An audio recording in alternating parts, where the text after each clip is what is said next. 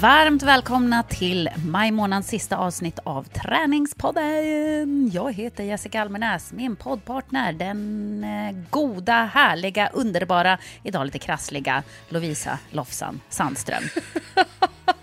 Sveriges minst oinspirerande, eller Sveriges minst, o, minst inspirerande träningsprofil.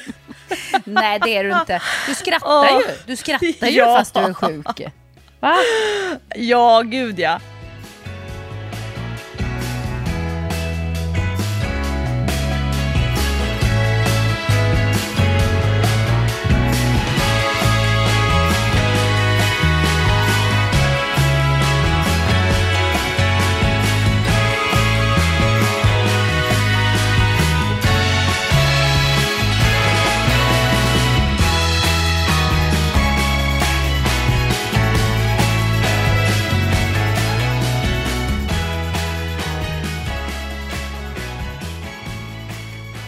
Händer Men Lovisa? alltså, jag, funderade på så här, hur- vilka svordomar man får använda i ett sånt här stort forum. Pissetråkigt. Pissetrist är det att vara Ja, sjuk. det är inte kul Åh. att vara sjuk och speciellt inte nu när det är så trevligt väder ute också. Åh. Man vill ju bara vara ute, springa, göra roliga saker, gå på utegymmet och så vidare. Och du får sitta hemma och, och vara krasslig. Ja, men alltså jag får lite grann skylla mig själv och det var värt det. Alltså ibland när man blir sjuk då tycker man så här att men vad fasen, hur kunde det bli så här och så. Nu är det så här, så värt det. Och jag var tvungen att eh, formulera det för att inte någon annan ska få dåligt samvete. Ska jag berätta? Ja, berätta. Men först förra veckan, förra helgen, då fick jag ju nackspärr. Och eh, då kunde jag inte styrketräna. Men jag sprang ändå ett pass på tisdagskvällen. Ett svinbra intervallpass. Alltså jag- jag var så bra. Det roliga var dock att eh, hela Zinkens IP var bokat för eh, IF Linneas friidrotts ungdoms och barngrupper. Så de hade typ bokat hela arenan förutom en eh, kurva på löparbanan. Och sen hade de inte, de använde inte stora, stora 11-mannaplanen. Så jag och mitt gäng som skulle springa intervaller, vi liksom, vi sprang i den ena kurvan och sen så sprang vi antingen längs med löparbanan på gräsmattan, alltså snacka om bra träning för benen, eller så sprang vi diagonalt från ena hörnet över till andra hörnet och sen rakt ner och sen korsa tillbaka. Så att sen när jag kollade på i eh, träningsappen fitnessappen i iPhone som du då liksom har reggat exakt hur jag har sprungit på en karta, då ser det så helt hysteriskt ut. För då ser det ut som att jag är ett, ett barn i lågstadiet som håller på att lära mig symaskinen och så här liksom kryssat över, runt, runt, kryssat över, runt, runt. Men det var ett jättebra eh, konditionspass, skitkul löpning. Och eh, då tyckte jag inte så här, det var klart jag kände mig lite stel så här, men sen gick nackspärren ner i bröstkorgen, eh, gick in i ryggraden, alltså jag hade så ont. Och eh, sen hjälpte jag, min syrra och min svåger satt i skiten. Min syrra skulle ha ett ledningsgruppsmöte med sitt jobb heldag. Min svåger han är skärgårdskapten och han var schemalagd för rutt och köra båt. Och sen så hade de en krasslig ettåring och en krasslig fyraåring. Och jag bara, moster kommer, moster ställer upp. Så att jag hade den här ettåringen och fyraåringen som var extremt glada. Lite hostiga, lite snoriga, men väldigt peppade på att vara med moster en hel dag. Eh, så värt det, men jag fick, jag fick skiten. Eh, dock, för att min syrra får så sjukt dåligt samvete, jag säger det var värt det. Jag har ju haft extremt dåligt samvete när mina barn var små och min syrra blev sjuk när hon hjälpte till med att vabba mina barn. Min syrra fick ju till och med vattkoppor när mina barn hade vattkoppor. Alltså, Oj. ja, som vuxen. Så Nej, det var det är inte det. kul. Nej, men jag vet ju hur det känns att vara den här föräldern och bara, och hon bara, ja men de gick sen på, till förskolan på fredagen. Jag bara, mhm.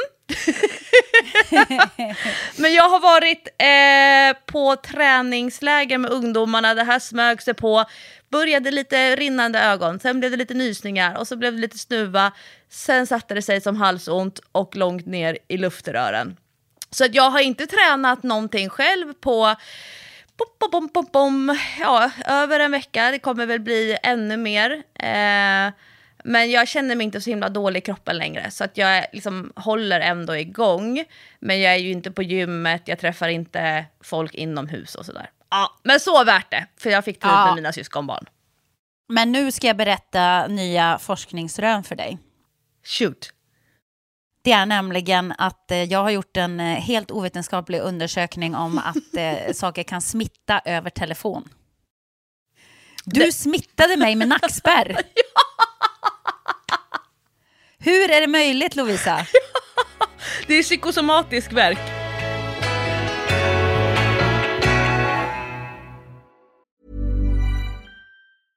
A lot can happen in the next three years. Like a chatbot may be your new best friend. But what won't change? Needing health insurance. United Healthcare Tri Term Medical Plans are available for these changing times. Underwritten by Golden Rule Insurance Company, they offer budget friendly, flexible coverage for people who are in between jobs or missed open enrollment. The plans last nearly three years in some states, with access to a nationwide network of doctors and hospitals. So, for whatever tomorrow brings, United Healthcare Tri Term Medical Plans may be for you. Learn more at uh1.com. Millions of people have lost weight with personalized plans from Noom, like Evan, who can't stand salads and still lost 50 pounds. Salads, generally, for most people, are the easy button, right? For me, that wasn't an option. I never really was a salad guy. That's just not who I am. But Noom worked for me. Get your personalized plan today at Noom.com. Real Noom user compensated to provide their story. In four weeks, the typical Noom user can expect to lose one to two pounds per week. Individual results may vary. Du smittade mig med nackspärr. Du vet, vi hade ju poddat på... Vilken dag var det vi poddade? Var det tisdag eller onsdag förra veckan? Eh, det var tisdagen, för det var precis innan jag eh, tog emot syskonbarnen. Ja, exakt. Vi poddade på tisdagen. På onsdagen skulle jag ner till Göteborg för att spela Basketfestivalen, årets stora höjdpunkt, som jag har längtat efter så länge. Eh, och vi ville ju verkligen, i år ska vi ta pokalen. Vi var i final förra året, eh, torskade finalen, vi gjorde ingen bra match. Och nu var vi så här, nu jäklar ska vi vinna i år alltså. så peppad. Och så höll jag på att jobba som en dåre på onsdagen och skulle flyga ner på onsdag kväll. Eh, och eh, kände liksom på eftermiddagen så här, "Ah, jag har så ont i huvudet. Eh, så det konstig migränont nästan som sitter över ögonen och eh, eh, trycker liksom. Och så att synen blir också lite så där svajig. Man ser liksom lite luddigt så. Så jag bara, nej, nej, nej, inte migrän, inte migrän nu, det, det passar inte bra. Ja, åker ut till eh, Bromma flygplats, ska precis kliva på planet och jag bara känner så, jag är så stel i nacken. Åh, så stel. Börjar stretcha lite och sådär. Och plötsligt så bara är det något som bara knäcker till i min nacke. Och jag, det, det kommer från absolut ingenstans, bara pum säger det. Och sen sitter jag där med en rejäl jäkla nackspärr. Och varje gång jag försökte röra på nacken lite grann så bara knäppte det så här, knak, knak, knäpp, knak. Alltså, jag blev typ rädd. Välkommen till mitt lag! Nej, men jag tyckte det var så obehagligt. Jag har haft nackspärr förut, men mer så här att det bara gör ont och att man inte kan vrida huvudet åt ett håll. Men nu var det så att fort jag försökte röra på huvudet så var det bara som att det knakade i hela nacken och knäppte. Knastrar. Knastrade. Och jag var bara så nej! Och, och funderade på fullaste allvar, så här, ska jag kliva av planet och ringa min naprapat och se om jag kan få en akuttid och köra bil till Göteborg imorgon istället? Men jag gjorde inte det då, utan jag åkte till eh, Gbg i alla fall. Men det är någonting som inte är som det ska riktigt i nacken, för att jag blev ju inte av med det där nackspärret på hela helgen. Och det är inte skitenkelt att spela basket med nackspärr, du vet man inte kan vrida på huvudet. Snabba riktningsförändringar, Nej! Högintensivt, eh, nervsystemet 100% aktiverat, alla sinnena på spänn. Ja, och, och då kom det liksom som ett brev på posten med nackspärren då, eftersom man då blir lite stel och går och spänner sig sådär. Så fick jag ju mega ont i axeln också. Plötsligt. Ja. I min axel då som är Ja. trasig, du vet. Så den hade jag ju så ont i. Så att på dag två av basketfestivalen, då började ju eh, handen att domna. Och, och jag fick ont i armen. Ja. Så det är ju någon nerv som är klämd där också. Så att alltså, jag har varit så trasig den här helgen, och, men ändå genomfört. Vi säljer in oss stenhårt Ja, ja, Jessica. verkligen. Nej, men, och jag sa, jag sa det till familjen så här, nej. Nej men tyst nu Siri, du får inte vara med. Jag sa det till familjen, nu har Lovisa smittat mig med nackspärr. Jag var typ lite arg. De bara, ah fast det smittar väl inte genom telefon. Men nu vet vi alltså att det gör det. Så att eh, passa er för att prata med sjuka eller skadade personer, för då kan ni åka på samma grej själv helt enkelt. Men eh, jag har ju varit då metropolen Katrineholm och du har varit i Göteborg plus att du har varit på Ja. Hästryggen. Jag förstår inte hur du hinner med allting Jessica Almenäs. Men du, inte jag heller. Maj har jag liksom inte hunnit tänka en tanke klart känns det som. För att jag har haft minutschema hela maj. Eh, och det var nästan lite... Alltså det brukar vara så härligt att vara i Göteborg och spela basketfestival, men jag var typ stressad hela tiden. Så att jag kunde inte riktigt koppla av och ha skoj. men eh, vi spelade i alla fall vår första match på torsdag. Den vann vi, det var kul. Sen spelade vi på fredag, då mötte vi ett gäng som vi möter i vår serie här hemma i Stockholm. Så att jag och eh, Jenny, min syrra, då, vi kände ju igen de spelarna. Då gjorde vi en katastrofdålig match. Nu säger ju inte det här någonting för er som inte kan basket, men, men eh, ni som har lite koll på basket så kan jag säga så här, att vi gjorde 10 poäng på hela matchen. Nu är det kortare matcher i basketfestivalen, så det, det är ju 2 gånger 15 rinnande tid. Men ändå, på 30 minuter lyckades vi göra 10 poäng. Alltså det är, det är fem, fem. mål. Förstår du? Ja man får två poäng på vanliga ja, kast va? exakt. Och jag gjorde tre poäng den matchen och jag var näst bäst på det.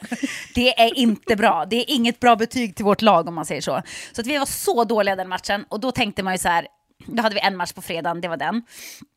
Och så tänkte vi ju då på lördagen, för då skulle vi, hade vi vunnit gruppen, då hade vi direkt för att spela semifinal, typ kvart över tre eller något på eftermiddagen på lördagen. Kanon. Men nu kom vi tvåa i gruppen, det betyder att vi skulle spela kvartsfinal. 8 och 15 på lördag morgon. Då har tanterna inte vaknat Nej, än. framförallt tanternas kroppar har ju inte vaknat än, kan jag säga. Alltså, jag tror inte jag har spelat en basketmatch klockan åtta på morgonen sen jag, ja, men sen jag var liten och var på cup. Alltså, Ja men det är ju knatteidrott. Ja, och när man typ åkte på cup och var så här tio år och alltid fick de här konstiga tidiga tiderna och så, då, då kunde man spela matcher så tidigt. Men du vet nu, nej, jag var tvungen att gå upp klockan sex, dricka jättemånga koppar kaffe, stretcha, du vet, för att verkligen komma igång i kroppen. Men det som var kul var att då vann vi faktiskt den matchen, kvartsfinalen, eh, mot Alvik. Eh, min granne var med och spelade. Och de mötte vi också i serien, så det var roligt, de känner man ju igen. För det var en bortaderby typ. Ja, men typ. Lite så. Fast de andra tjejerna i mitt lag brukar ju inte möta Alvik då, för att de eh, spelar ju i, i serier runt om på andra ställen i, i landet. Och en del spelar inte alls och så. Men jag och syrran i alla fall, vi, vi eh, är ju bundis med de här Alviks... Eh, eh, Tjejerna höll jag på att säga, men vi är väl allihopa damer nu kanske, Alviksdamerna. så då vann vi den och det var kul. Och då skulle vi då eh, få spela semifinal, vilket var jätteroligt. I semifinalen fick vi möta fjolårsvinnarna, de som slog oss i finalen alltså förra året. Det var bättre förr, eller Malbas som de också heter. Och det här är ju ett gäng. Är det Malmö basket? Ja, precis. Det här är ju ett gäng Skåningarna. legender. Alltså alla de har ju typ spelat i landslaget, de har varit Ja. superstjärnor. De är stenhårda. Alltså stenhårda. Alltså de är så hårda. Och de kan så mycket fula trick. Och de bangar inte för att använda alla fula trick som de kan. Så att det, det är ju inte Fula liksom... trick är snygga trick om inte domaren eh, nappar på dem. Ja, eh, kanske. Men man blir ju förbannad. Eh, men i alla fall så innan matchen så ska jag villigt erkänna att vi trodde inte att vi skulle vinna. Alltså vi tänkte så här, ja, ja, nu är det slut för oss. Fan vad synd att vi torskade i gruppspelet för annars hade vi kanske haft en chans att ta oss till final. Då hade vi inte mött dem förrän i finalen. Men eh, eh, så att vi var liksom lite så här, ah, hur ska det här gå liksom? Eh, och så går vi in och det första som händer är eh, uppkastet. Det tar eh, min syra. Vi vinner uppkastet. En annan tjej tar bollen, passar till mig för jag springer och är fri i princip. Alltså nästan fri att göra en layup. Vad händer då? Jo, då är det eh, en spelare i Malbas då som tar tag i min arm och helt enkelt håller fast mig i armen så att jag inte kan springa framåt och springer själv förbi och tar bollen. Och du vet, och domaren såg, såg ju inte det här för hon gör det ju jätte, jättesnyggt. Men jag blev ju så jävla förbannad. Då kände jag så här, du ska inte bolla runt med mig i den här matchen. För just den spelaren, hon, hon bollade runt med mig lite grann förra finalen och då blev jag lite så här, oh hjälp, hon är, hon är stark och, liksom lite tuff och, och trashtalkar lite grann och sådär. Och då, då tyckte jag att det var lite läskigt. Men nu tänkte jag så här, nej, den här matchen ska du inte bolla runt med mig, det kan jag lova dig. Så nästa anfall då, när de kommer ner och ska spela anfall och hon ska katta igenom, då bara knuffar jag ut henne ut över sidlinjen. och hon bara ah! För att domaren ska se, men domaren såg inte. Och sen så... Tillbaka kaka ja, kallar jag det Exakt, för. och då kommer hon upp till mig och så viskar hon så här, nu är vi kvitt. Och då tänkte jag bara så här, vi är långt ifrån kvitt den här matchen. Ska vi tampas? Hon var the bigger person och du nappade inte. nej, nej, nej, nej, långt ifrån kvitt. Så sen så stångades hon och jag hela matchen kan man säga. Och eh, ja, jag hade ont i kroppen efteråt. Mycket blåmärken och grejer. Men det var roligt för att alla som satt i publiken sa efter matchen att, att eh, jag var helt svart i blicken hela matchen. Alltså jag, jag hade bara bestämt mig för att den här jävla matchen ska vi vinna. Vi, vi ska inte vika ner oss, hur mycket stryk vi än får. Och hela laget kände uppenbarligen så. Det blev en skitspännande match. Så publiken fick ju verkligen valuta för pengarna om det nu hade kostat något att gå in och titta på plus 40 damer i Askims sim och sporthall. Eh, det gjorde... För, förra veckan när vi pratade om det här med att slöskrolla, ja. när man hamnar långt, väldigt långt bort ifrån där man ursprungligen startade, då kan man ju få så här, äh, kändisar på två olika sorters bilder som, som ska visa upp så här, alla deras sidor. Mm. Och då ser jag framför mig hur det ena är när du är programledare i Let's Dance med värsta klänningen, brun utan sol, glossy, sjukt piffad, står bredvid David Helenius och alla de här dansarna. Och, du, och sen på den andra bilden bredvid, då är du helt svart i blicken, basketkläder, trycker in armbågen eller axeln i en motspelare. Också Jessica Almenäs. Ja, jäklar i mig. Jag var verkligen eh, på G den där matchen. Fy fasiken. Alltså, du vet ibland när man tycker att det är skönt att få stryk när man känner så här... Det gör så, det gör så... Jag hatar kroppskontakt! Nej. Jag hatar, det finns noll geist i mig i såna här närsituationer. Nej, men det gör, nej, nej, nej, nej, nej. Det gör inte alltid det på mig heller. Ibland är jag bara så här, åh, inte idag, orkar jag inte in och stångas liksom. Men just den här matchen så kände jag bara så här, kom bara, kom bara, kom bara och testa och få ner mig om du kan, men det kommer inte att gå. Alltså jag kände bara så här, ju mer stryk jag fick, desto argare blev jag och jag, desto mer taggad blev jag. Så det var så sjuk adrenalinpump. Men det var otroligt kul att vinna den matchen, just för att den var så jämn eh, och just för att vi gjorde en skitbra insats verkligen. Så att ingen av oss trodde nästan att det var sant. Vi bara hade slagit ut fjolårsvinnarna och skulle då spela final. Och den här matchen var då klockan tre. Och klockan sex var det dags för final. Det var alltså vår tredje match den dagen. Du förstår att då var inte heller tantbena jättepigga. Och då spelar man ju final i stora Valhalla då med fullt på läktarna eh, och eh, presentation och allting sånt. Och speaker och hela dun, grejen. Dun, dun, ja, och exakt lite så, verkligen. I have a tiger. Uh -uh. Nej, men, men nu tänkte vi så här, nu ska vi göra en riktigt bra match. Förra året var vi dåliga i finalen. Vad händer? Ja, vi var dåliga i finalen även det här året. Så jävla tråkigt! Så torskar vi mot eh, Backlura som är våra värsta rivaler i, i serien här hemma i division 3. Eh, Hässelby, va? Och det var också surt. Nej, eh, Blackeberg. Blackeberg? Ja, det var också surt. Jag tror att det var ännu mer surt för att, för att jag möter dem hemma i serien. Att jag lite grann... Eh, känner de här tjejerna. Liksom. Eller känner och känner, men man har ju spelat mot dem hundra gånger. Det hade nästan varit bättre om det var ett lag som man inte, typ ett lag från Tyskland eller något, som vi hade torskat mot. Då hade det känts så här, ja, ja, okej, det spelar ingen roll. Men nu var det så här, när de fick lyfta pokalen, åh, det var inte roligt. Det var inte roligt. Och så efteråt så kom en fotograf, glad som bara den, nu får ni ställa upp för en lagbild här. Alltså, ta bild, det var det absolut sista vi ville göra. Så vi, eh, jag fick se den bilden sen jag ser så sur ut. Jag ser så sur ut. Om mungipor kan nå ända ner till marken så gör mina det. det, är, det där är det inte svart i blicken utan där är det otroligt sur. Otroligt sur. Domarna gjorde inte heller sin bästa match eh, i livet, hoppas jag. För om, om det var deras bästa match i livet då, då har det inte varit en trevlig karriär för dem. Eh, kan jag säga. Så det var också surt. Det blir man ju irriterad på liksom, när det blir fel hela tiden. Och domaren gick och high-fivade med andra laget. Och man bara, vänta nu. Det här är liksom inte på skoj. Det är ändå en final om en stor pokal. Ja, så det var lite surt. Det, det blev tyvärr eh, torsk i finalen igen. Men nästa år, då är det jäklar i mig tredje gången gilt. Så är det. Första året se, vara där för att se och lära. Andra året prova vad man går för. Tredje året ta hem pokalen. Ja, men nu har vi ju spelat final två år i rad. Och då tänker jag så här att nu nästa gång är väl ändå våran tur. Det borde det vara.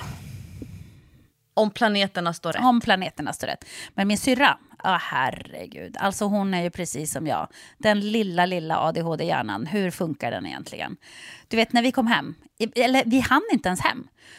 Hon börjar messa mig i bilen på väg efter finalen när hon ska köra tillbaka till, till landet. Eh, så börjar hon Eh, hon ringer mig och smsar hon när hon kom fram.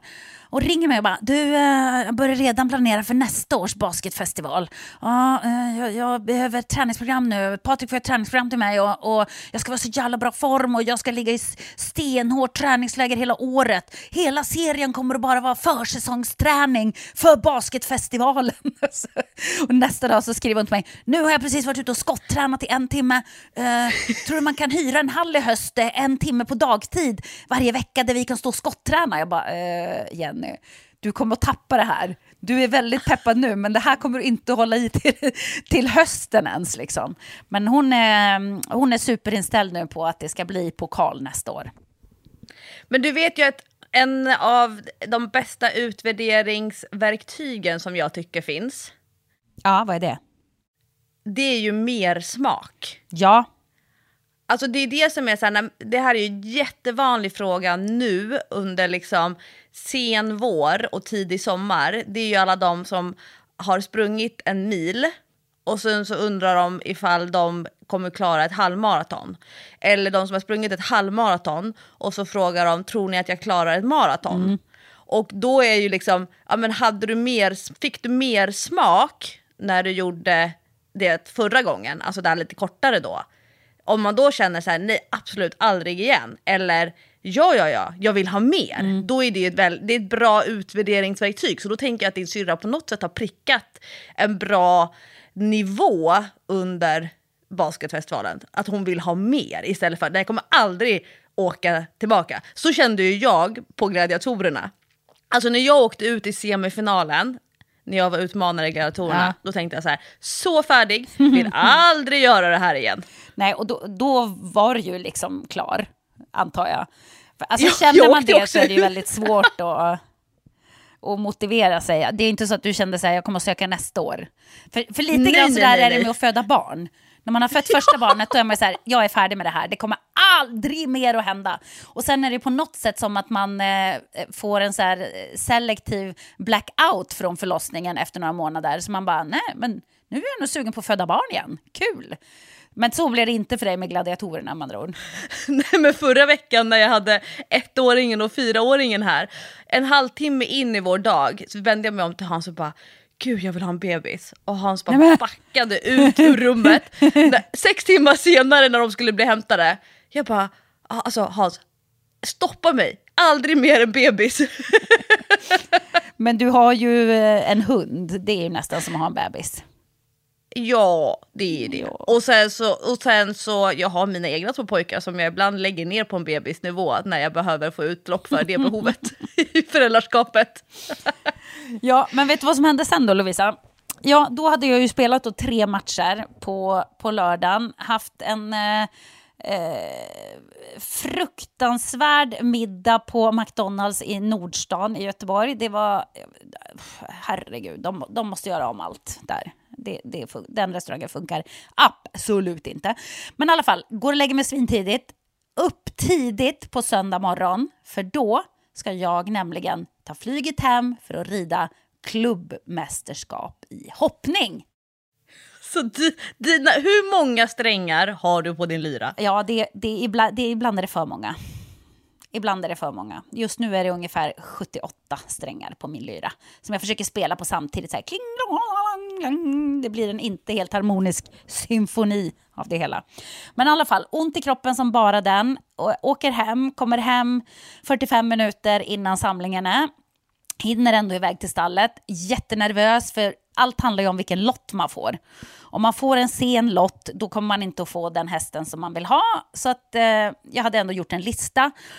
Och jag hade väl fem hästar som jag verkligen, verkligen ville ha. Eh, och sen var det liksom några som jag skulle kunna tänka mig och sen var det några som jag absolut inte ville ha. Eh, så att man satt ju där och höll tummarna, hur ska det gå? Först fick Dylan lotten. Och han hade ju då på dressyr-KM några dagar tidigare fått sista lotten. Då var han ju inte så glad när han ringde mig och bara “jag ska ha den här hästen”. Jag var okej, okay, men det kommer gå bra Dylan. Du får bara göra ditt bästa. bara, “Det kommer gå jättedåligt”. Det var ju liksom en häst som ingen ville ha då. Men så kom han ändå femma av 18, så det var ju faktiskt eh, över all förväntan. Så, så det fick han vara nöjd med. Men då var det någon slags karma i luften för att han fick första lotten den här gången på ponny. Så han fick ju välja sin favorithäst Rebell. Han var jätteglad och då släppte en del av min nervositet för att jag var nästan mer nervös för honom. Jag tänkte så här, han måste få en bra lott liksom. Nu är det ändå hoppning och eh, det är kul om det går bra för honom och så. Så det var skönt. Sen fick jag dra lott och då fick jag lott nummer 10 av 18. Och då tänkte jag så här, en del hästar gick två gånger. Så jag tänkte jag, om jag har tur så kan jag få någon av mina favoriter. Om jag har tur. Och så lott nummer nio, då drar hon sista hästen av de som jag ville ha. Så jag bara, fan också, tog hon min häst? Det var irriterande. Så satt jag där och skulle välja. Då fanns det ändå en häst som var eh, på, på den här jag skulle kunna tänka mig, eh, som hette Dexter. Och så var det också Fille då, min gamla favorit. Fille, som ingen annan i stallet gillar för att han är som en kobra. Han bits eh, när man ska göra honom i ordning och sådär.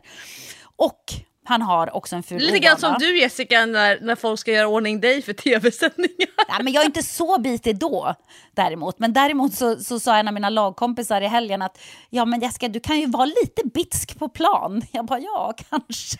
Men du var man, Fille. man har ju liksom inte tid att lägga ut orden när man spelar basket utan då får det ju gå fort, snabba instruktioner.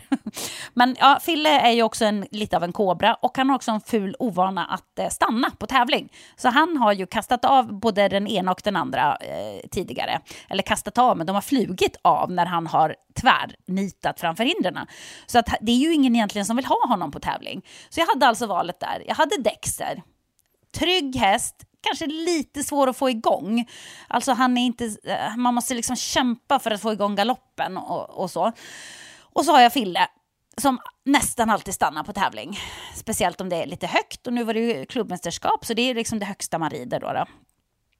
Ja, så sitter jag där och bara, äh, men jag är trött i kroppen, jag tror inte jag orkar rida Dexter. Jag tar Fille, säger jag. Alla bara äh, tittar på mig, ska du inte ta Dexter? Jag bara, nej jag tar Fille. Åh! Och jag såg liksom äh, han som äger stallet med ridlärare, han bara tittar på mig och bara, nej vad är det som händer? Men Siri, hon får inte trilla av igen. Jag såg nästan det i hans huvud så här, hoppas hon inte trillar av igen. Eh, men så kommer vi in på framhoppningen, jag och Fille. Han hoppar jättebra och på framhoppningen var det höga hinder. Alltså, oh my god, så där högt hoppar ju vi aldrig. Och man hoppar ofta lite högre på framhoppningen än vad det är på banan för att man ska liksom, hästarna ska vara beredda och lyfta på benen och att det ska kännas lite mindre när de sen kommer in på banan. Så det var skithögt, men han hoppade som en gud alltså på framhoppningen så bra! Och jag bara shit, det här kommer gå skitbra. Det här känns riktigt, riktigt bra.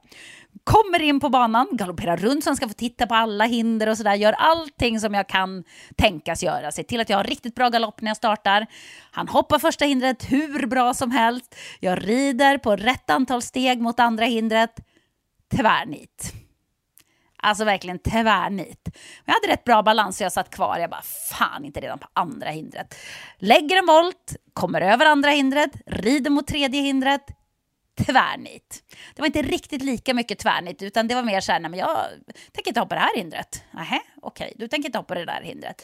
Lägger en volt, hoppar det tredje och tänker bara sen, jag, jag vill verkligen komma några hinder på den här banan. För får man stopp tre gånger, då är man utesluten. Så att jag hade ju liksom bara en chans man kvar då. Man straffas? Ja, precis, då får man inte vara med längre.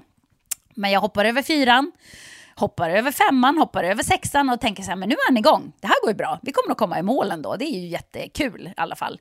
Kommer till sjuan och där kan vi snacka tvärnit. Alltså, när jag har sett på bilder efteråt så sitter han på rumpan. Alltså så mycket tvärnitar han. Han sitter på sin rumpa och, och frambenen liksom framåt och så. Och då flyger ju jag fram på hans hals. Så att den här bilden, det ser så otroligt... Den. Jag har, har sett, sett bilden. Det ser så ovärdigt ut när jag sitter på hans hals. Och liksom jag har... som inte ens kan någonting om hästhoppning kan se att så ska det inte se ut. Nej men du förstår, och så ska man bara så här, okej, okay, jag sitter kvar, det var ju bra, men nu ska jag tillbaka till sadeln på något värdigt sätt här också. Så får man liksom försöka trassla sig tillbaka till sadeln, mm, låtsas som ingenting, klappa hästen ut, utesluten liksom.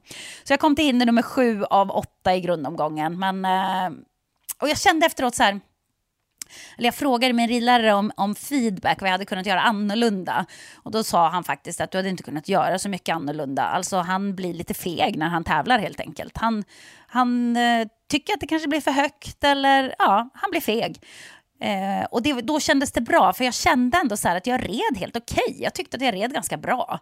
Och att det, det var inte så mycket jag hade kunnat göra annorlunda. Kanske trycka på lite mer, men ja, vad fan, och då känns det ändå bra. Om man känner så här, jag är ganska nöjd med min egen insats, tyckte att, jag, att den var helt okej. Okay. Han är en sån som stannar och jag kanske skulle ha valt en annan häst, men nu blev det så här. Det enda som är tråkigt är att det kanske är det enda klubbmästerskapet som jag lyckas kvala in till, så då hade man ju kanske velat ha ett resultat, men ja, ja. Det är vad det är.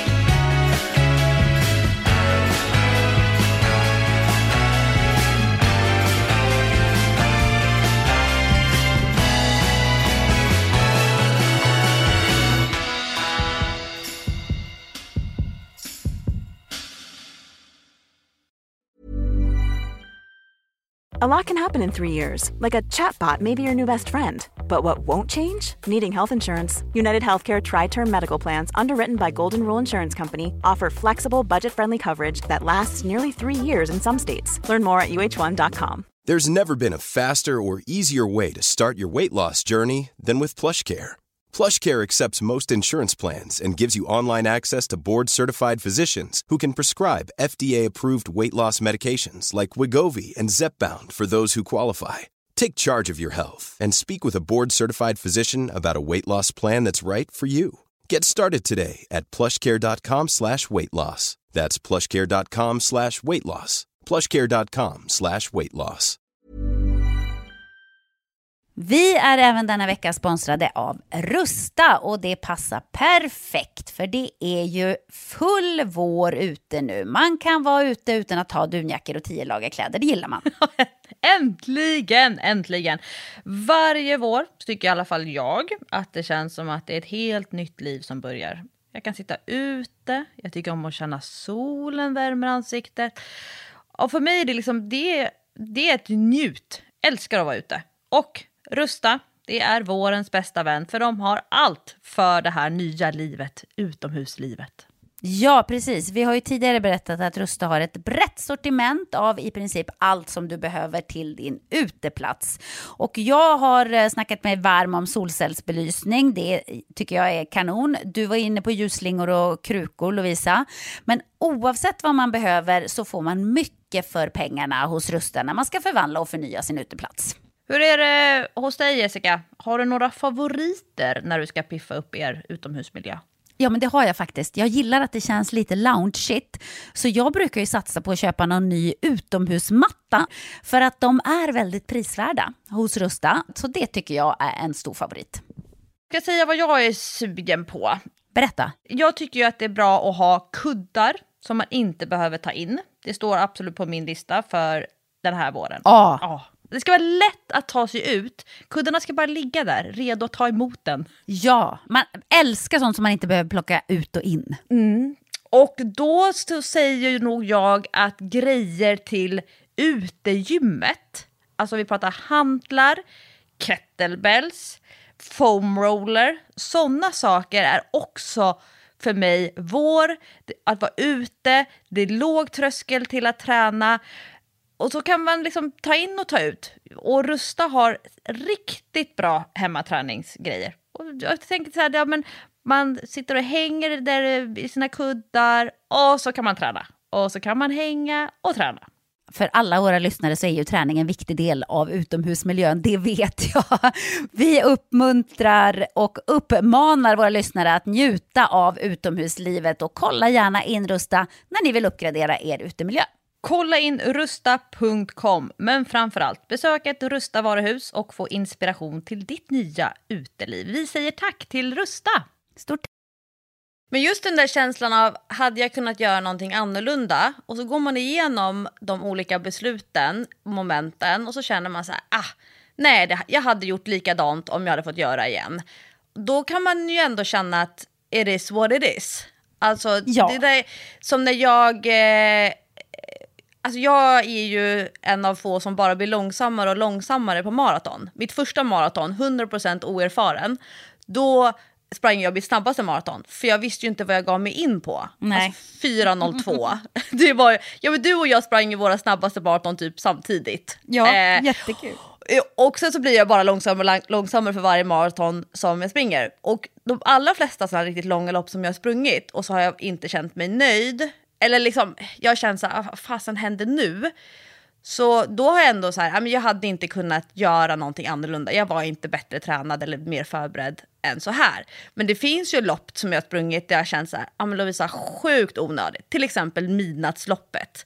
Alltså Midnattsloppet, ett fantastiskt lopp runt Södermalm om man springer Stockholmsvarianten. Det finns ju i Göteborg, Malmö, Helsingfors. Ja, det finns ju lite här, om, här och där.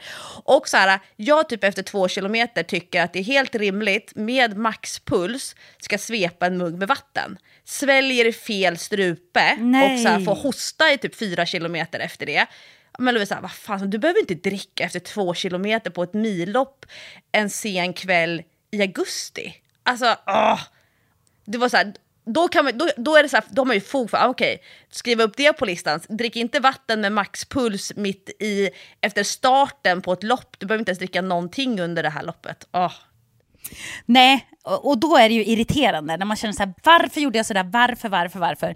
Så det, det som jag grämde mig över lite var ju att jag valde fel från början. Alltså jag skulle ju ha valt Dexter givetvis, då hade jag förmodligen kommit runt felfritt förhoppningsvis. Eh, men, eh, så det grämde jag mig lite, fan jag tog fel häst, fan det var dumt liksom.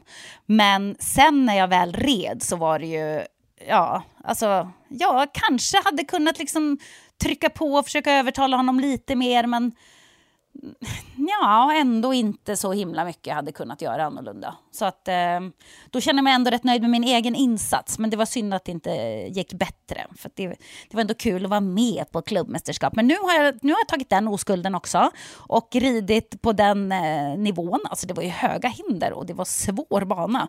Vi har jätteduktig banbyggare i, i klubben, en kompis med mig också, Britta. Eh, hon byggde en skitbra bana verkligen. Och det- jättekul och liksom roligt att få utmana sig på det sättet. Så att jag känner mig ändå rätt nöjd faktiskt med klubbmästerskapet. Och Dylan kom fyra, så det var jättebra och fick rosett och, och sådär. Så att, eh, ja, det var min helg. Den var fullspäckad och nu har jag varit på Bionic och tränat min jätte, jättetrötta och slitna kropp. Eh, så att nu är den ännu, ännu tröttare och sen så ska jag äntligen, efter vi har poddat, få gå till naprapaten. Jag fick en akuttid typ för att jag måste fixa min nacke. Jag kan ju fortfarande typ inte titta åt något håll och det knäcker ju så fort jag vrider på huvudet. Det är ganska obehagligt. Det känns som den ska gå av. Men då har du liksom, det är ju inte jättemånga dagar kvar av maj månad. Nej, det och jag har missat som att hela maj. du har maxat hela maj. Ja, det- kan man säga också. Eller missat. För det är så här, vad har hänt? Var försvann den här månaden? Det ska vara en skön, underbar månad, men det är ju aldrig det. Det är ju aldrig det. Till nästa år, påminn mig då Lovisa, att maj, det är kämpigt. Det är jobbigt. Men jag, förutom att jag kollar på alla tv-serier som går att kolla på eftersom jag inte tränar själv. Eh, så jag kollar på Elitstyrkans hemligheter, jag kollar på eh, Superstars, jag kollar på Gifta vid första ögonkastet, jag kollar på Your Honor, jag kollar på Robinson. Nej men alltså jag... Herregud! Aj, det är så mycket tv Du nu. har blivit ett Eh, tv-freak. Ja, men jag skriver också en lista på träningspass som jag ska genomföra när jag är frisk. Oj, jag vad kul. Ja, jag Berätta. sitter så, professorn liksom sitter och, och skriver. Eh, och då har jag ett träningspass som jag vill köra. Jag vill nog springa det passet utomhus eh, på löparbana. Alltså springa runt, runt, runt. Men det är ett, ett träningspass som man kan springa om man har en GPS-klocka eller liksom en Apple Watch, någon form av smartwatch med GPS i, då kan man springa den bara på en vanlig slinga. Eh, på löpan kan man köra det. Man kan köra det på roddmaskin. Man kan köra det på cykel måste man nog, då måste man ändra distansen för hur långa intervaller man ska köra. Så där måste man tänka om lite grann. Eh, men vi körde det här passet med våra ungdomar i helgen.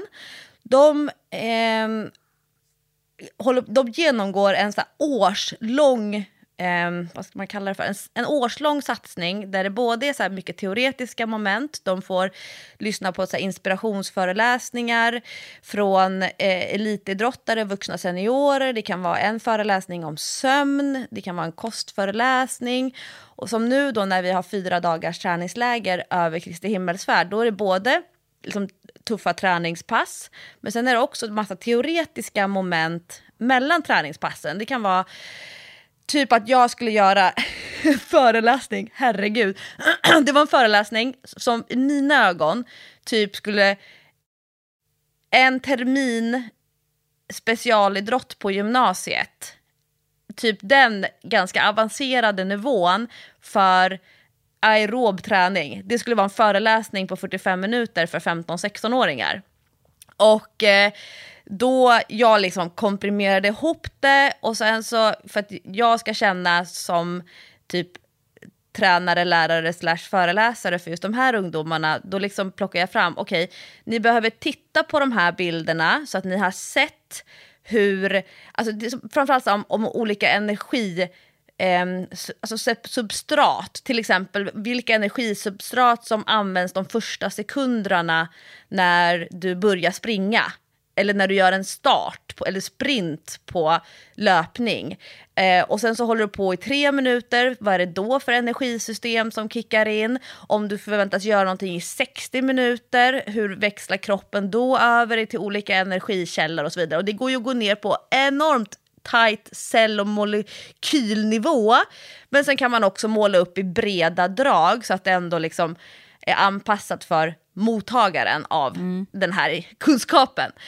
Ehm, och då, men jag vill liksom hela tiden lyfta fram så här, okej, det här är teorin bakom och nu ska ni få prova på det i praktiken. Och det är oftast då man liksom lär sig bäst, när man både får den teoretiska kunskapen och sen få prova på. Teoretisk kunskap och sen få prova på. Är det bara teori och aldrig prova, då kan jag ju tycka så att man kanske inte eh, har, får liksom hela paketet inlärningen. Du kan ju titta på hur många hoppinstruktionsfilmer som helst från hästtävlingar men om du inte själv får prova på så kommer du aldrig få fulla förståelsen. Och samma sak är det ju med basket eller med styrketräning. Du kan kolla på hur många instruktionsfilmer som helst med skivstång men det är ju först när du får prova själv som man faktiskt kan sätta det, både kroppen och hjärnan. Och då eh, är det här ett eh, exempel på ett aerobt träningspass där kroppen då använder mycket syre för att försörja kroppens system. Eh, och de här gjorde det i kanoten och de gjorde då i K2 så att de paddlade två och två. Men som sagt, jag ska göra det här på löpning. Först så behöver man ha en ordentlig uppvärmning och då pratar vi uppemot 15 minuter.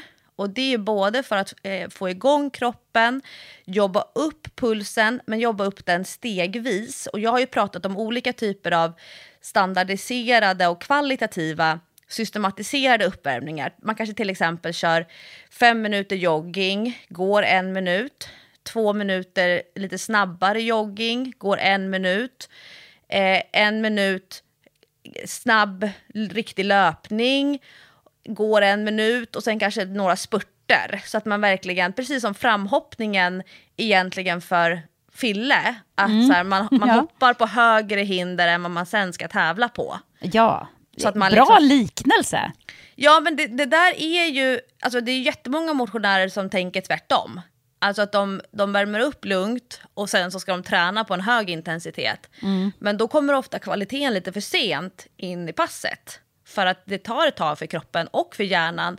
Den här, jag brukar försöka beskriva det som liksom en brygga eller en bro mellan... ehm, alltså du tar dig från ett ställe där din kropp är med människokläder på till att kunna leverera på hög nivå med träningskläder på. Du måste liksom ha en ganska schysst övergång.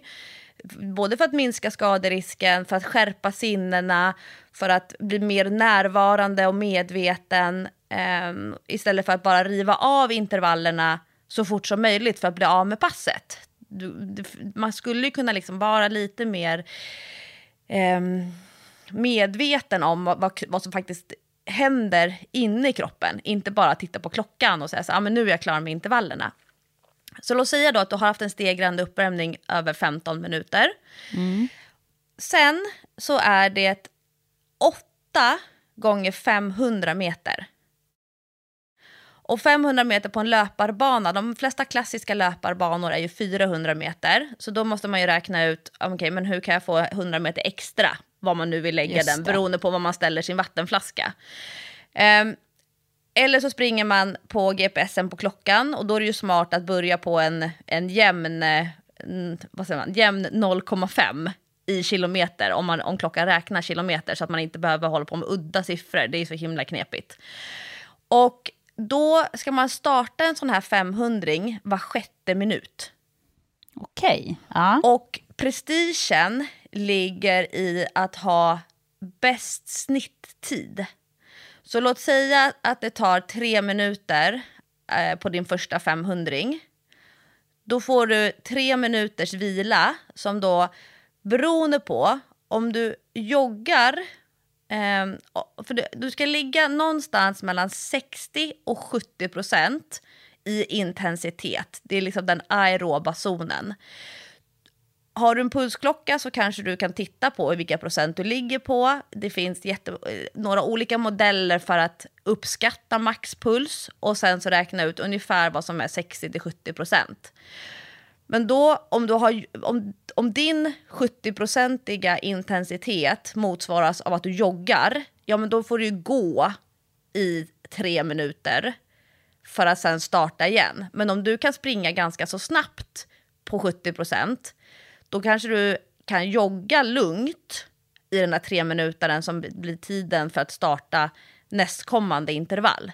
Och sen ska du då alltså upprepa 500 meter var sjätte minut totalt åtta gånger och göra de här 500 meterna i bästa jämnast tempo.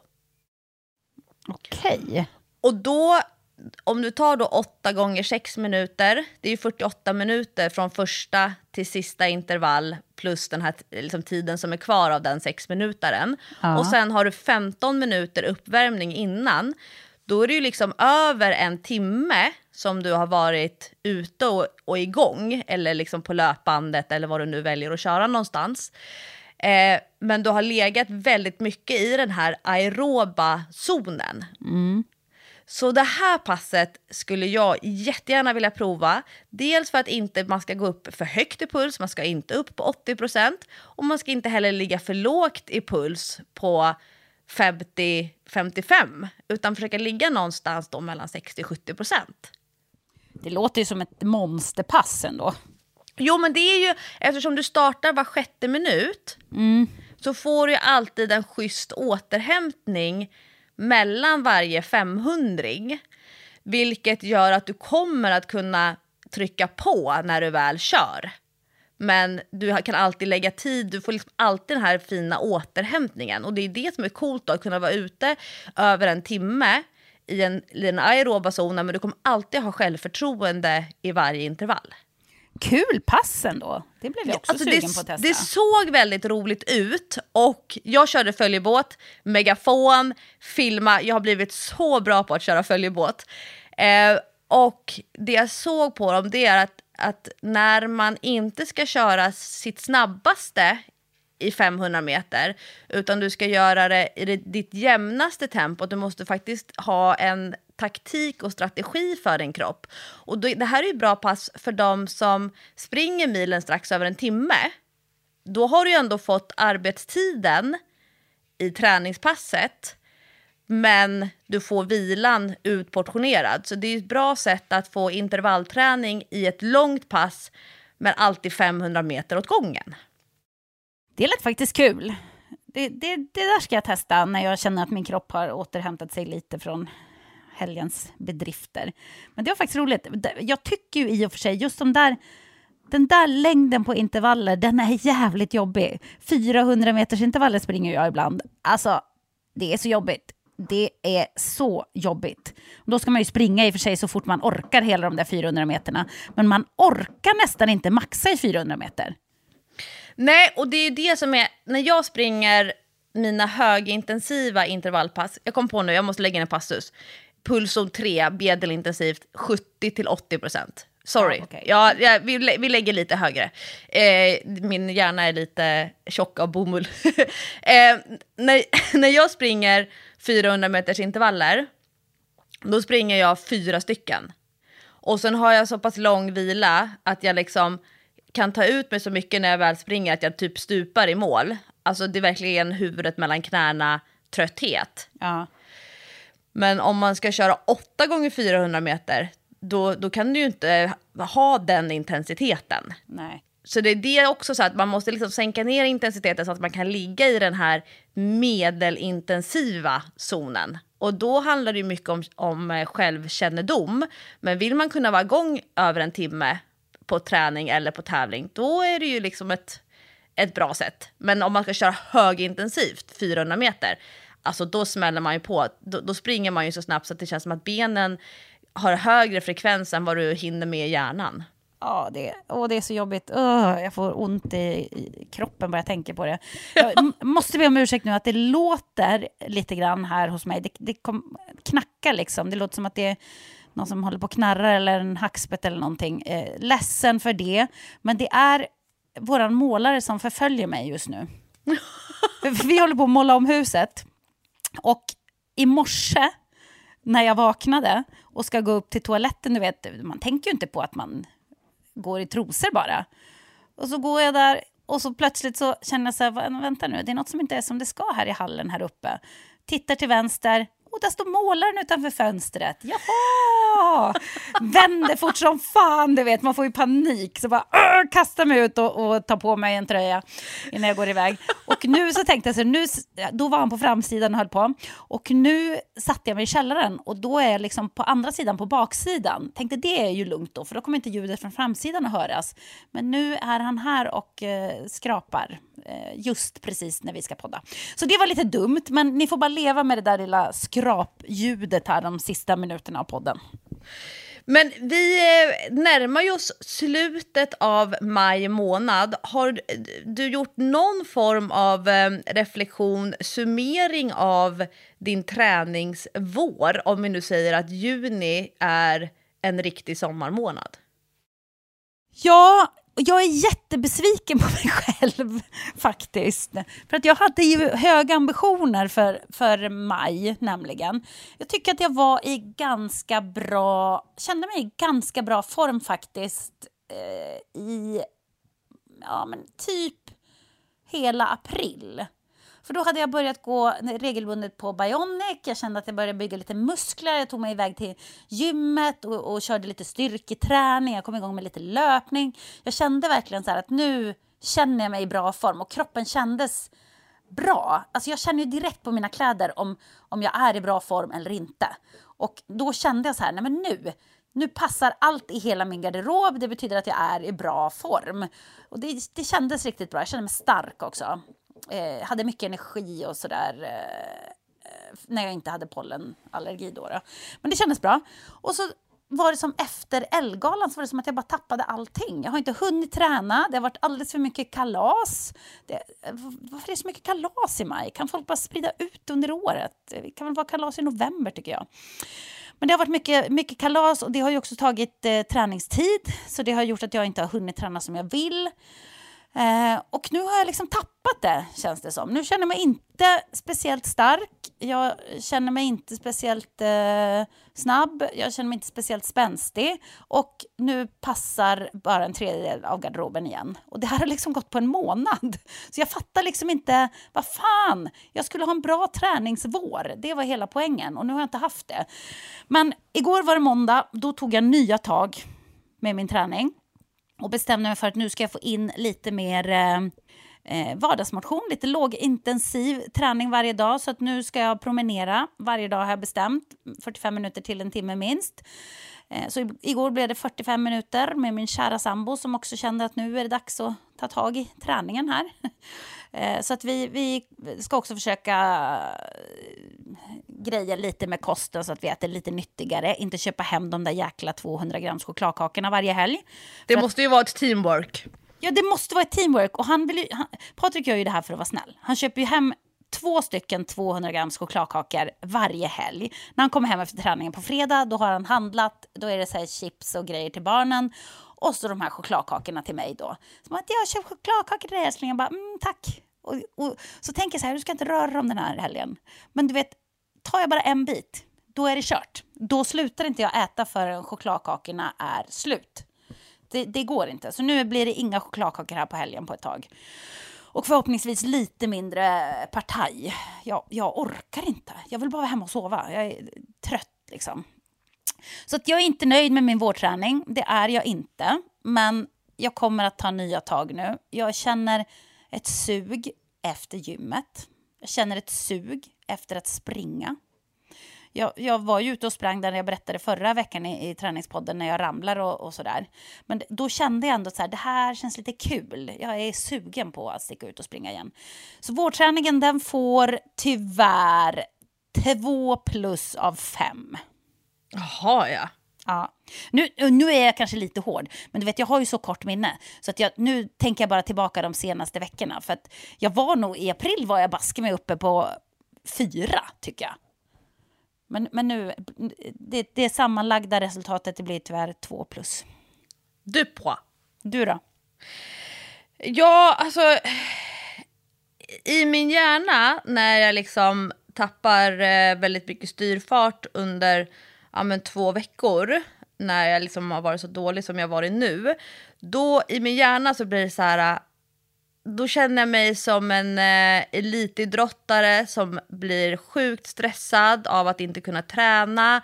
Eh, all träning i vinter har varit förgäves. Så här. Och sen så står jag och borstar tänderna framför spegeln och bara tittar på mig själv. Jag bara, Amme Lovisa, du är en motionär. Du är nästan 40 år gammal. du tränar för att du tycker att det är roligt.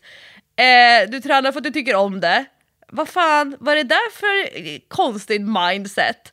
Så då står jag och borstar där, skvätter lite tandborstskum eh, på spegeln eh, och så tänker jag så här, ja men skitsamma. Och då är det så här skönt, då kan jag liksom då kan jag landa i det. Och sen så kan de där hjärnspökena komma igen och så står jag där med tandborsten eller ligger på soffan och kollar på Robinson och bara, ja men det spelar ju ingen roll i det långa loppet. Och sen så tänker jag också, det här föreläser jag ju ofta om, med om man tittar på vad olika typer av så här, träningskvaliteter ger för resultat. Om man tränar i princip bara högintensivt, det går jättesnabbt att träna upp konditionen. Du får snabba resultat, man känner sig som alltså on top of things, the king of the world. Men när man gör ett uppehåll, snabbt fångat, lätt förgånget, alltså då tappar man de träningseffekterna ganska så snabbt. Man måste hålla i den högintensiva träningen hela tiden för att man inte ska tappa det. Till skillnad från om man kör jättemycket lågintensiv konditionsträning. Alltså min hela vinter, jag har åkt så mycket längdskidor. Jag har ju sprungit många gånger varje månad. Alltså den konditionen, det tar längre tid att träna upp konditionen. Men om man sen har ett uppehåll, då konserveras den träningseffekten. Så har man byggt upp en stabil grund med både lågintensiv konditionsträning, medelintensiv konditionsträning och den här lilla spetsen av den riktigt tuffa högintensiva konditionsträningen, då tappar man inte så mycket när man har några veckor helt off. Och det är det som alla skulle så behöva ha som tröst när man kommer av banan helt av olika skäl. Och då tittade jag på mars, april, maj, som för mig då är mina vårmånader. Alltså vi har ju lyssnare högst upp i Haparanda, vi har Kiruna, vi har Luleå. De kanske inte tycker att äh, ah, det kanske liksom är vinter ganska länge för dem. Men sen har vi också nere i, i Malmö, Helsingborg, södra Sverige som liksom, de har ju inte snö som begränsar träningen. De har inte alls den här säsongs eh, baserade träningsrutinen. De kan alltid springa eh, tuffa intervaller utomhus. Det spelar ingen, underlaget är ungefär alltid detsamma. Men för mig då, då kollade jag på mars månad, första må vårmånaden. Då var det ju fortfarande mycket längdskidor. Då låg jag på ungefär 30 timmar träning men genomsnittet 48 minuter. Så det är ju inte så, det är några långa pass, men ungefär runt en timme. Och sen kollade jag på april, 33 timmar, så jag fick in tre timmar mer. Eh, men genomsnittet 35 minuter, så ännu kortare pass. Mm. Eh, och sen så kollade jag på maj eh, hittills och då spelar vi in det här den 23 maj och då har jag 12 och en halv timme, genomsnitt 22 minuter. Så eh, nedåtgående trend för månaden, ja. för kvartalet, eller vad vi ska kalla det för. Eh, men jag är väldigt glad för att jag ligger på ett steggenomsnitt för året. Eh, då eh, tar jag, räknar bara från januari till och med maj månad på 9740 steg. Ehm, så det tycker jag känns bra. Man kan ju mäta på massa olika sätt. Så att för att vara jag så är det väldigt bra att ha nästan 10 000 steg per dag trots att jag inte det här året har ett steg fokus. Så, så, så eh, får jag summera det. Men jag tränar väldigt allround eh, och det är ju ett av mina stora fokusområden det här året. Det är att vara bra och träna väldigt många olika saker. Det mår jag jättebra av. Och att va, träna utomhus. Älskar att styrketräna utomhus. Älskar att springa utomhus. Paddla. Jag rullar ut yogamattan på terrassen. Stretchar. Alltså allting som jag gör utomhus mår jag lite, lite bättre av än om jag skulle göra samma sak inomhus.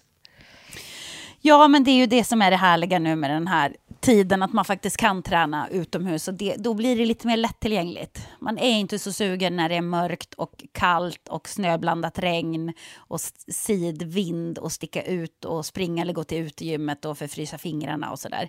Så det är ju faktiskt, det bjuder in till träning väldigt mycket den här årstiden. Ja, oh, och det, alltså jag får ju en sån hög känsla av sammanhang. Alltså min plats i universum, alltså det här kan ju låta så flummigt, men min plats i universum blir väldigt självklar när jag tränar utomhus.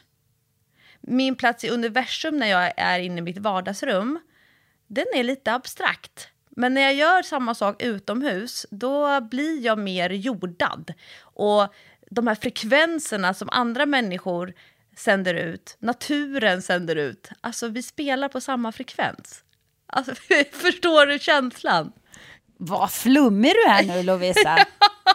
Men jag tror att det är lite grann som du och din basket. Det är ju exakt samma aktivitet som när du gick på basketgymnasiet i Sanda. Du flyttade, hur många hundra mil kan det vara? Från Jokkmokk till Ja, först flyttade jag ju till... Ja, precis. Men det är ju det är 90 mil mellan Östersund och eh, Huskvarna. Ja, och den platsen som du hade i universum då är ju annorlunda när du nu spelar basket i Göteborg. Då blir det liksom andra frekvenser, det är samma aktivitet men du, du har en annan plats i universum. Ja. Så lite filosofiskt känner jag. Och eh, jag tror att alla så här, när man vill komma igång med träning, eh, låt säga att man har en eller flera graviditeter, man kanske har haft liksom flera års uppehåll av träning eller lite mer systematisk fysisk aktivitet, då tror jag att man inte har någon plats där man hittar som är en, ens egen plats i det här universumet. Och att det är därför det också blir det här mycket motstånd var ska jag börja? Va, liksom, vad är, hur kommer jag igång? Och de här småsakerna som att till exempel promenera 30 minuter om dagen. Det är klart att det för de allra flesta kanske inte gör mirakelstora förändringar. Eh, särskilt inte de första veckorna. Men det kanske ger en en liten plats i universum där man känner så här, men det här är en bra plats för mig att vara på. Och så går man den där rundan varje dag. Och sen så börjar man lyfta lite hantlar hemma. Och så känner man så här, åh men det här, det här funkar. Och sen så bygger man på det efterhand. Men har man ingen plats i universumet för den fysiska aktiviteten som man vill komma igång med, då tror jag att, det blir, att man känner sig ganska vilsen och ehm, eh, handfallen. ja, kanske. Jag kommer ihåg den där backen som du skulle börja springa efter att Dylan hade fötts. Det blev ju din plats i universum, den där norska backen Ja, där det du tragglade. Exakt, vänta nu ska vi tänka. Precis. 2009, 2010. Ja, där, där jag tragglar och tragglar och tragglar. Den där rundan som jag sprang om och om, om, om igen. Och jag ska upp för den där jäkla backen. Och till sist så sprang jag ju ganska lätt, på lätta ben upp för den där backen faktiskt. Eh, så det var, Men det var som väldigt- att du hittade den där platsen i universum, så hittade Ja. du den där backen och där bestämde du dig för att det är här jag ska vara. Och så tog du dig till den där backen flera gånger i veckan. Precis. Och på något sätt så är det väl att man behöver något att eh, haka upp sig på. Alltså, ha liksom... Eh, jag vet inte. Jag, jag, jag, det Slå inte- ner sina pålar. Ja, men lite. Och ha, ha någon slags... Eh, för mig är det väldigt viktigt att ha någon slags rutin eller någon, en grej liksom. Det är svårt att förklara, men jag fattar vad du menar med den där eh, platsen i universum på något sätt. Även om jag kanske inte tänker på det exakt likadant i mitt huvud, men, men jag förstår verkligen vad du menar. Alltså just nu känner jag starkt sug efter att vara hälsosam. Jag känner så här att min kropp vill, den vill ha grönsaker. Den vill ha liksom, Gröt! ja, typ gröt, grönsaker. Den vill sova tio timmar per natt. Den vill inte hålla på och slarva. Jag är väldigt inte i slarvläge just nu. Utan nu, nu känner jag att jag behöver ha någonting att hålla fast mig i så att jag hittar någon liten plats här i mitt sommaruniversum. Ja, just det, det är säsongsuniversum också. Ja, lite så faktiskt. För, för det är ju lite så att man är ju inte på samma plats året runt, i alla fall inte jag. Nej, och de här som nu... ehm, det här med att ta sig till och från jobbet. Alltså alla de där som låter bilen stå och börjar cykla till jobbet på våren. Ja. de, de, det krävs ju liksom ett mindset att man bestämmer sig för nu ska jag cykla. Ja. Och så servar man cykeln, man kollar alltid att man har med sig bra grejer i ryggsäcken så att man kanske kan byta om, ta lite deo om man har blivit lite svettig. Eh, och samma sak när man, eh, som du och din yoga Jessica. Alltså när du Ett gjorde... sorgligt kapitel. tyvärr. Ja, fast det, no, men det var ju också enormt meningsfullt. Alltså där och då så var det där du jordade dig. Alltså du rullade ut din matta och du gjorde det som kändes väldigt meningsfullt. Sen måste man inte hålla på med det för resten av livet. Men du var ju lyrisk. Där och då så var ju det det bästa som du kunde göra för dig själv, upplevde du då. Ja, absolut. Och egentligen så skulle det nog vara det om jag kom igång igen. Alltså, men när jag var sjuk då, då när jag var utbränd, så var ju det det... Jag skulle vilja kalla det som att det var som en rutin för mig som var väldigt viktig. Det, att det var ju något som jag såg fram emot att göra på dagarna. Och det var inte så mycket jag såg fram emot när jag var utbränd faktiskt. Men det var verkligen så här, nu får jag vara på mattan. Och ibland så kunde jag ju sitta där i tre timmar. Alltså bara andas, eh, koncentrera mig på andningen, köra de där små programmen som jag gjorde, eh, köra min stå på händer-träning. Jag stod, så mycket på händer på den tiden. Alltså det var ju det roligaste jag visste. Och göra olika grejer när man stod på händer, det, det var otroligt kul. Och det var något som jag verkligen, verkligen behövde då. Det var den enda grejen som jag kunde hålla fast mig i på något sätt. Och det fanns ju inte på kartan där och då att du skulle kunna se dig själv som projektledare för ert basketlag på basketfestivalen. Nej, och det har jag verkligen inte varit det här året. Nej. För det, det är Sussi, eh, en tjej i laget, som har gjort. Och hon har gjort det med den äran verkligen. Att hon har fått ihop det här. Ibland när folk inte ens orkar svara och så. Så att Sussi ska ha all äran för det. Men däremot så är jag ju något av en projektledare i mitt, eh, i mitt lag här hemma, skulle jag säga. Eh, Så att, och, det är ju ett årslångt pågående jobb. Och det hade jag kanske inte heller sett framför mig att jag skulle orka, kunna, klara. Ja, Och vilja. Och vilja. Och, att, och bry ja dig. exakt. exakt. Det, var, det var en intressant grej när man var utbredd, för man brydde sig inte om någonting. Jag brydde mig inte om någonting. Det var ju verkligen, det har jag berättat om förut, men för att känna någonting så var jag tvungen att titta på skräckfilm typ. Jag hatar ju skräckfilm. Idag skulle jag aldrig sätta på en skräckfilm, för jag tycker det är fruktansvärt eh, vidrigt att titta på. Men du vet, då satte jag på skräckfilm och det var knappt så att jag reagerade. Men då fick jag ändå känna något. Det var liksom det enda sättet för mig att, att känna. Men nu har jag många saker som jag engagerar mig i och bryr mig i, så att det är jag väldigt glad och tacksam för. Ja. Och lite klyschigt, kan du, kan alla. Ja, verkligen. Det går att vända skutan. Ja, det gör det. Det gör det, fast man tror ibland att det inte ska gå.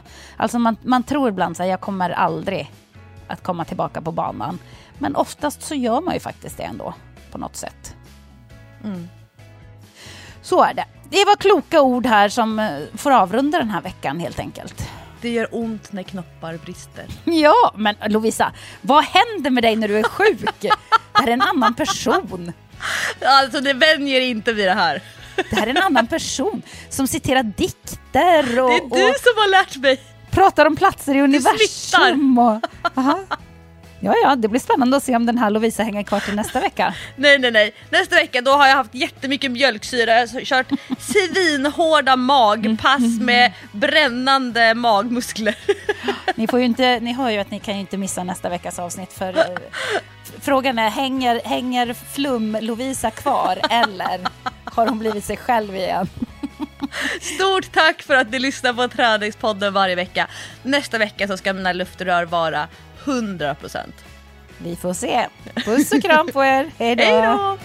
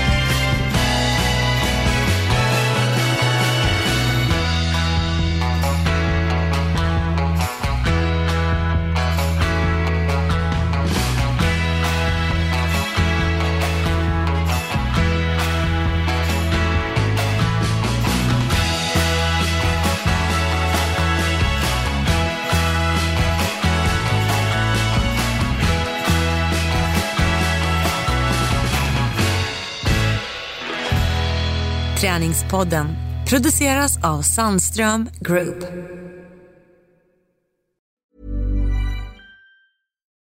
Deserves the best, and there's no better place to shop for Mother's Day than Whole Foods Market. They're your destination for unbeatable savings, from premium gifts to show-stopping flowers and irresistible desserts. Start by saving 33% with Prime on all body care and candles. Then get a 15-stem bunch of tulips for just $9.99 each with Prime. Round out Mom's menu with festive rosé, irresistible berry chantilly cake, and more special treats. Come celebrate Mother's Day at Whole Foods Market.